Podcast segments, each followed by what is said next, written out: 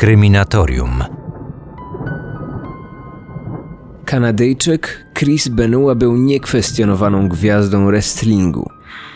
Uwielbiały go miliony fanów na całym świecie. Jego spektakularna kariera trwała dwie dekady, podczas których zdobył wiele mistrzowskich tytułów.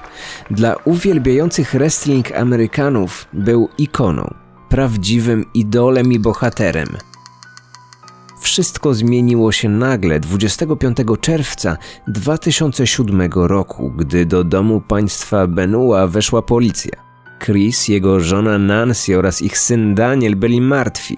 Funkcjonariusze wstępnie uznali, że doszło do potrójnego morderstwa.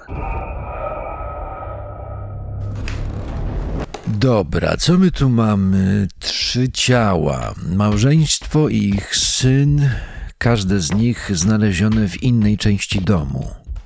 Hmm. To wygląda na potrójne zabójstwo. Kobieta i dziecko zginęli we własnych łóżkach, mężczyzna w siłowni. Mam wrażenie, że to nieudana próba upozorowania samobójstwa. Może ktoś wymordował całą rodzinę i winę próbował zwalić na męża. Hmm. Prawda wyglądała jednak zupełnie inaczej. W ciągu kilkunastu następnych godzin legenda wrestlingu Chris Benoit z ofiary stał się mordercą, który po zabójstwie swojej rodziny popełnił samobójstwo. Wciąż nie brakuje jednak głosów, że prawdziwym zabójcą nie był wcale Chris, a jego samobójstwo zostało upozorowane. Kryminatorium. Otwieramy akta tajemnic. Christopher Michael Benoit przyszedł na świat w 1967 roku w Montrealu. Wrestlingiem pasjonował się od wczesnego dzieciństwa. Był tak bardzo zafascynowany barwnym światem zapaśników, że swoją pierwszą walkę stoczył, gdy miał zaledwie 12 lat. Choć była to tylko szkolna akademia, a jego walka wyglądała bardziej jak dziecięce wygłupy niż zapasy, to właśnie wtedy Chris uznał, że chce to robić przez resztę swojego życia. Karierę zaczął w połowie lat 80. ubiegłego wieku w kanadyjskim Calgary.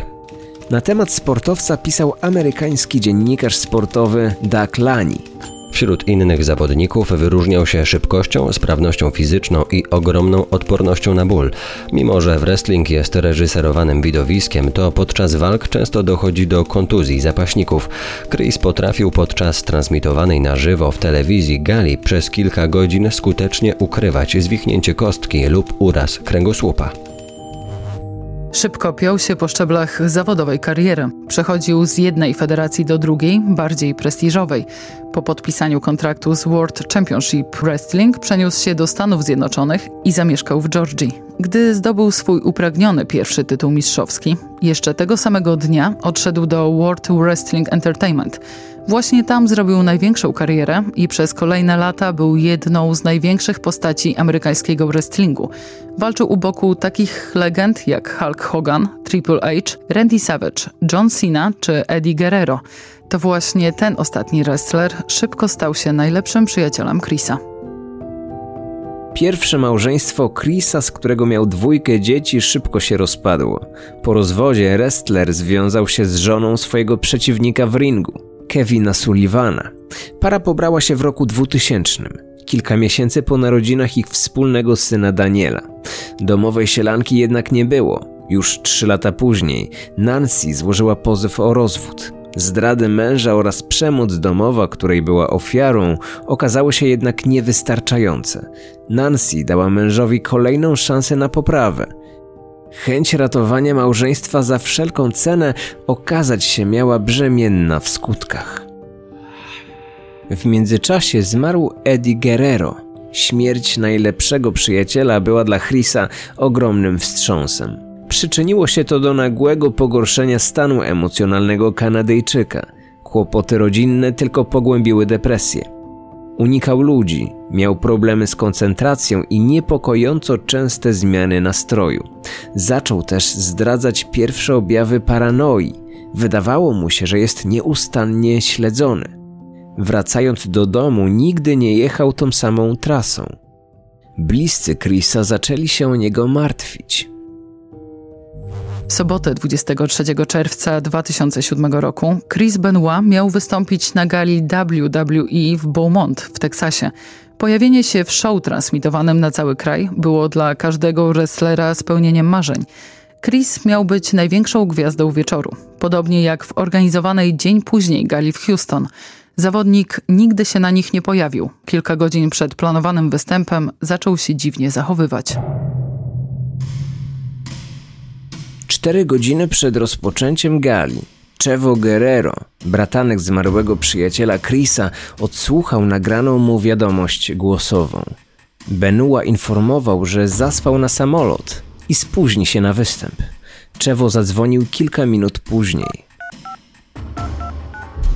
Przepraszam, Chevo, ale miałem stresujący dzień. Nancy i Daniel chorują. Chyba się czymś struli. Przełożyłem swój lot. Ja. Ja już nie mogę. Czewo, nie daję rady. Czewo, kocham cię. Głos Chrisa brzmiał inaczej niż zwykle. Cichy, przytłumiony, jakby wydawany z wielkim trudem. Benua nigdy nie zachowywał się w ten sposób. Nigdy nie powiedział, że go kocha. Tak jakby miało to być ostatnie pożegnanie. Chwilę później Chris zadzwonił do federacji WWE z informacją, że nie pojawi się na żadnej z weekendowych gal. Powiedział, że jedzie właśnie do szpitala z żoną i synem, gdyż oboje wymiotują krwią. Zaniepokojeni adresaci jego słów zaczęli się martwić. Ich niepokój wzrósł, gdy w nocy z soboty na niedzielę zaczęli otrzymywać od niego SMSy o dziwnej treści, wysłane krótko przed czwartą nad ranem zarówno z telefonu Chrisa, jak i Nancy. Mój fizyczny adres to 130 Green Meadow Lane, Fayetteville, Georgia 30215. Wiadomość o takiej treści otrzymało pięć osób, najbliższych współpracowników wrestlera. Chevo Guerrera odebrał też drugiego SMS-a. Psy są zamknięte w garażu. Drzwi boczne do garażu są otwarte. Wszelkie próby dodzwonienia się do nadawcy nie przyniosły rezultatu. Telefony państwa Benoit milczały jak grób. Chevo o swoich obawach poinformował wiceprezesa WWE Johna Lorinatisa. Przez całą niedzielę federacja podejmowała liczne próby skontaktowania się z Chrisem. Na próżno. Sprawdzano też wszystkie szpitale w okolicy Fayetteville. Do żadnego z nich Benoit nie dotarł. W poniedziałkowe popołudnie pracownicy WWE zostali poinformowani o SMS-ach wysyłanych przez Chrisa minionej nocy. Uznano, że nie ma na co czekać. Kilkanaście minut później John Lorinatis skontaktował się z biurem szeryfa hrabstwa Fayette z prośbą o sprawdzenie domu państwa Benua. Pod wskazany adres natychmiast wysłano policyjny patrol. Funkcjonariusze o godzinie 15.42 weszli do domu Chrisa. Zdaniem przybyłego na miejsce koronera, Nancy Benoit nie żyła od trzech dni. Została zamordowana w swojej sypialni w piątek 22 czerwca. Jej nogi i ręce były związane, a ciało owinięte ręcznikiem. Nie stwierdzono żadnych oznak walki. Odniesione urazy wskazywały jednoznacznie, że kobieta została uduszona. Sprawca oplótł wokół jej szyi sznur, po czym zacisnął go, jednocześnie wciskając kolano w jej plecy. Przy jej ciele położył Biblię. Siedmioletni Daniel zamordowany został w swoim pokoju. Miał wewnętrzne obrażenia w okolicy gardła. Sekcja zwłok wykazała, że chłopiec został zabity dobę po matce, a przed morderstwem podano mu środek uspokajający. W chwili śmierci był nieprzytomny. Również przy jego ciele policjanci znaleźli pozostawiony egzemplarz Biblii. Ostatni z życiem pożegnał się Chris Benua. Nastąpić to miało w niedzielny poranek. Przy Chrisie, podobnie jak w przypadku Nancy i Daniela, odnaleziono Biblię. Jego zwłoki odnalezione zostały w siłowni. Wstępna analiza wykazała, że sportowiec powiesił się na urządzeniu do podnoszenia ciężarów. Nietypowa pozycja, w której znajdowało się ciało, nie wykluczała natomiast udziału osób trzecich. Na tej podstawie w początkowej fazie śledztwa dom państwa Benoit uznano za miejsce zbrodni. Jedną z pierwszych badanych hipotez było zamordowanie całej rodziny przez nieznanych sprawców.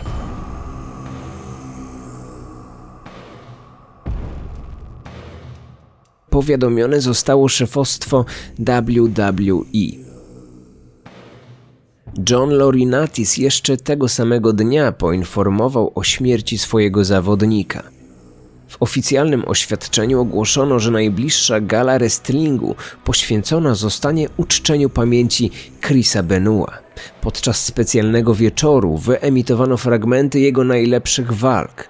Całe widowisko okraszone zostało komentarzami innych zawodników i współpracowników, mówiących o zmarłym koledze w samych superlatywach.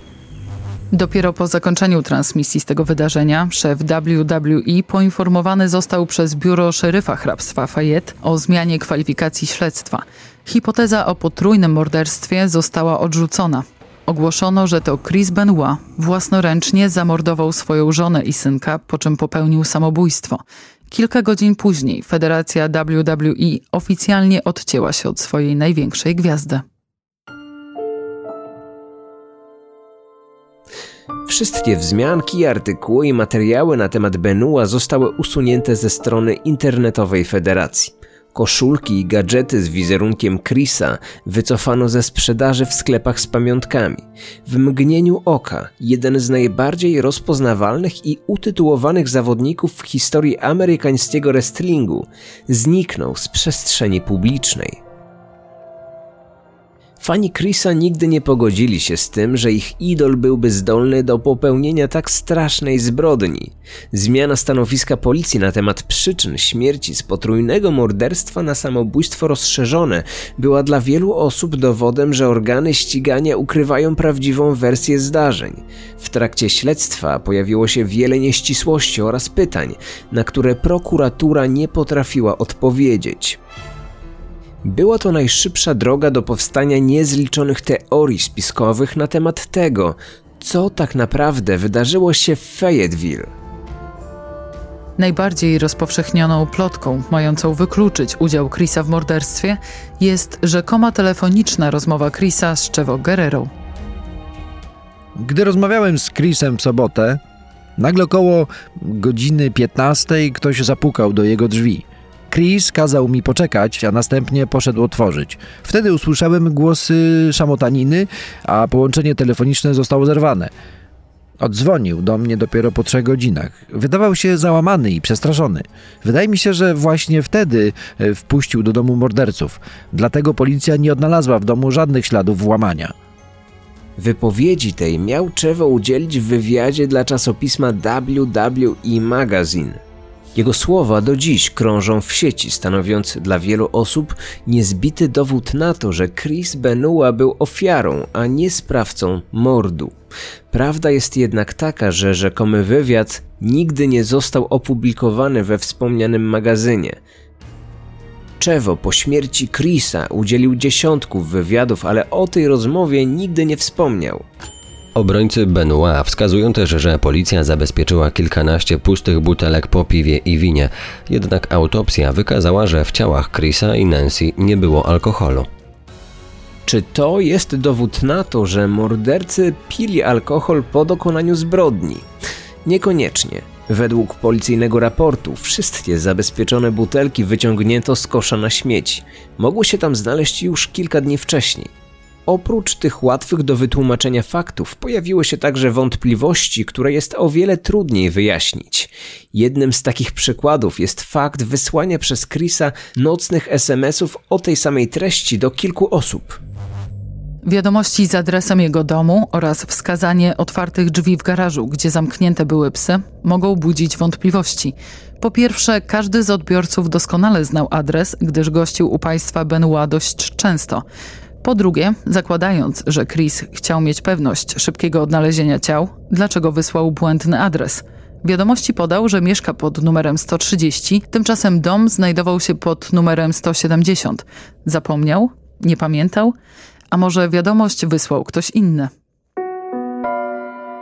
Jeszcze więcej wątpliwości wzbudziło umieszczenie informacji o śmierci Nancy Benua na amerykańskiej Wikipedii.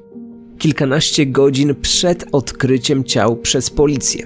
O tym dziwnym fakcie napisały media na całym świecie. W tym polski portal Gazeta.pl w artykule opublikowanym 5 dni po zbrodni. Wikipedia podała informację o śmierci żony gwiazdy wrestlingu Chrisa Benoit 14 godzin przed tym, jak policja znalazła ciała małżeństwa i ich siedmioletniego syna w ich domu na przedmieściach Atlanty. Wspomniany artykuł w Wikipedii został edytowany minutę po północy. Dopisano w nim, że wrestler opuścił galę, gdyż dowiedział się o śmierci swojej żony Nancy. O tajemniczym wpisie policję poinformowali dziennikarze. Na podstawie adresu IP ustalono, że zmian w artykule dokonano z komputera w mieście Stamford w stanie Connecticut, gdzie znajduje się siedziba Federacji WWE, w której walczył Benoit. Według policji nikt w federacji nie mógł w tym czasie wiedzieć, że Nancy Benoit nie żyje. Policja odkryła zwłoki dopiero kilkanaście godzin później.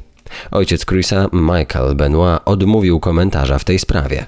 Swojego komentarza odmówiła też lokalna policja.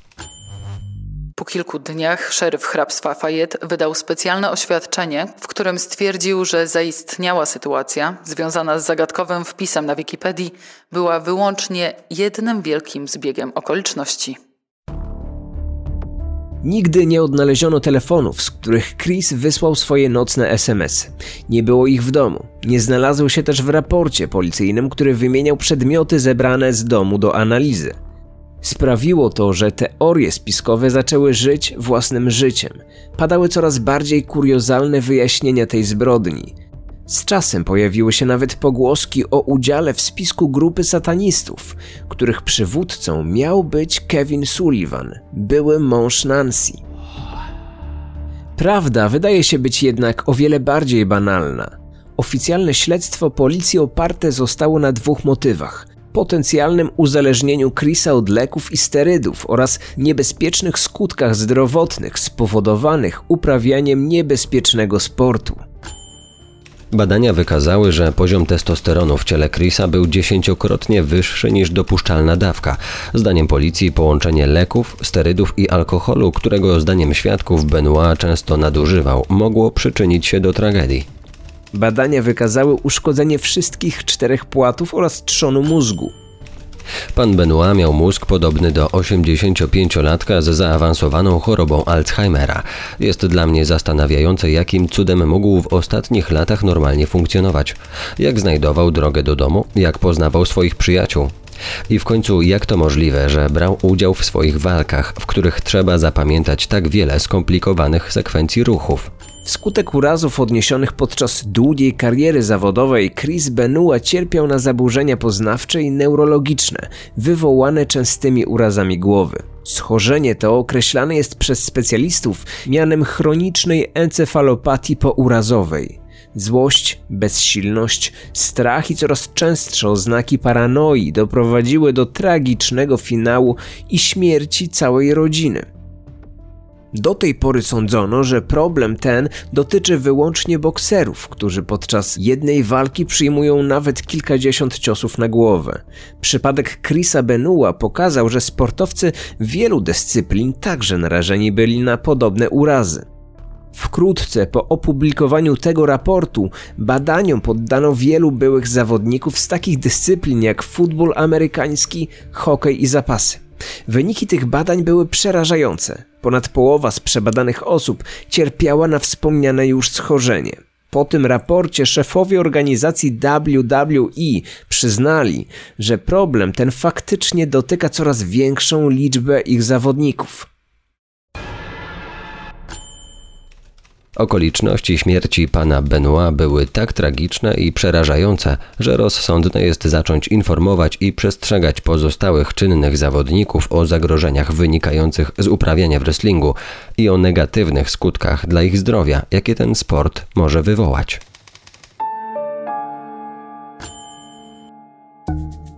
Według oficjalnej wersji wydarzeń przyjmowane przez Chrisa leki i sterydy oraz uraz mózgu zaczęły powodować u niego niekontrolowane wybuchy gniewu, wpadające w paranoję. Problemy behawioralne przyczyniły się do pogorszenia rodzinnych relacji. Wskutek nagłego wstrząsu psychicznego, jakim mogła być na przykład zapowiedź opuszczenia przez żonę lub podejrzenie jej o zdradę, Chris Benua zamordował najpierw Nancy, później swojego syna, a na końcu popełnił samobójstwo. Zdaniem prokuratora generalnego stanu Georgia nie mogło być jednak mowy o niepoczytalności sprawcy lub okolicznościach łagodzących ten czyn z powodu stanu zdrowia psychicznego. Ustalenia ogłoszone przez władze wskazują ponad wszelką wątpliwość na rozwagę sprawcy, a nie na jego impulsywny gniew. Stopy i ręce żony były związane. Ona sama została uduszona, a nie pobita na śmierć. Obecność pozostawionej przez sprawcę Biblii przy każdym ciele również jest wynikiem premedytacji oraz działania głęboko przemyślanego. W Biblii, która znajdowała się przy zwłokach Chrisa, odkryto odręcznie napisaną przez niego notatkę. Jestem już w pełni przygotowany, aby opuścić Ziemię. Kilka lat później siostra Nancy, Sandra, wyznała w jednym z wywiadów, że tuż przed śmiercią Chris sprawdzał w internecie, jak najskuteczniej i najszybciej złamać sobie kark. Wciąż są jednak fani wrestlera, którzy pomimo licznych dowodów winy zawodnika uparcie twierdzą, że ich idol padł albo ofiarą spisku członków WWE, albo ofiarą bandyckiego napadu morderców na jego rodzinną posiadłość. Dwa lata po tragicznych wydarzeniach w Fayetteville, dr Phil Astin, osobisty lekarz Chrisa Benoit, postawiony został w stan oskarżenia w związku z nielegalnym przepisywaniem leków zawodnikom wrestlingu, w tym Chrisowi, bez postawienia wcześniej wymaganej diagnozy lekarskiej. Badanie toksykologiczne wykonane po śmierci zapaśnika wykazało w jego ciele wysokie stężenie dwóch leków przeciwlękowego Xanaxu oraz hydrokodonu, przeciwbólowego leku zbliżonego swoim działaniem do morfiny. Przepisanie Chrisowi tych leków uznane zostało za wysoko nieuzasadnione i szkodliwe. Dr Phil Astin przyznał się przed sądem do winy wobec wszystkich 175 postawionych mu zarzutów. Został skazany na 10 lat więzienia. Tuż po tragedii ogromna fala krytyki ze strony światowych mediów spadła na WWE. Szefowie organizacji musieli się długo tłumaczyć przed amerykańskim kongresem. Skutkiem tego wydarzenia było zaostrzenie prawa antydopingowego w zawodowym wrestlingu. Od tego momentu federacja zaczęła dyskwalifikować zawodników przyłapanych na stosowaniu niedozwolonych środków farmaceutycznych. Do tej pory takie sytuacje prawie w ogóle nie miały miejsca. Nie udało się jednak całkowicie wyeliminować stosowania groźnych dla zdrowia substancji wśród gwiazd wrestlingu i pewnie nigdy się to nie uda. Kryminatorium. Otwieramy akta tajemnic.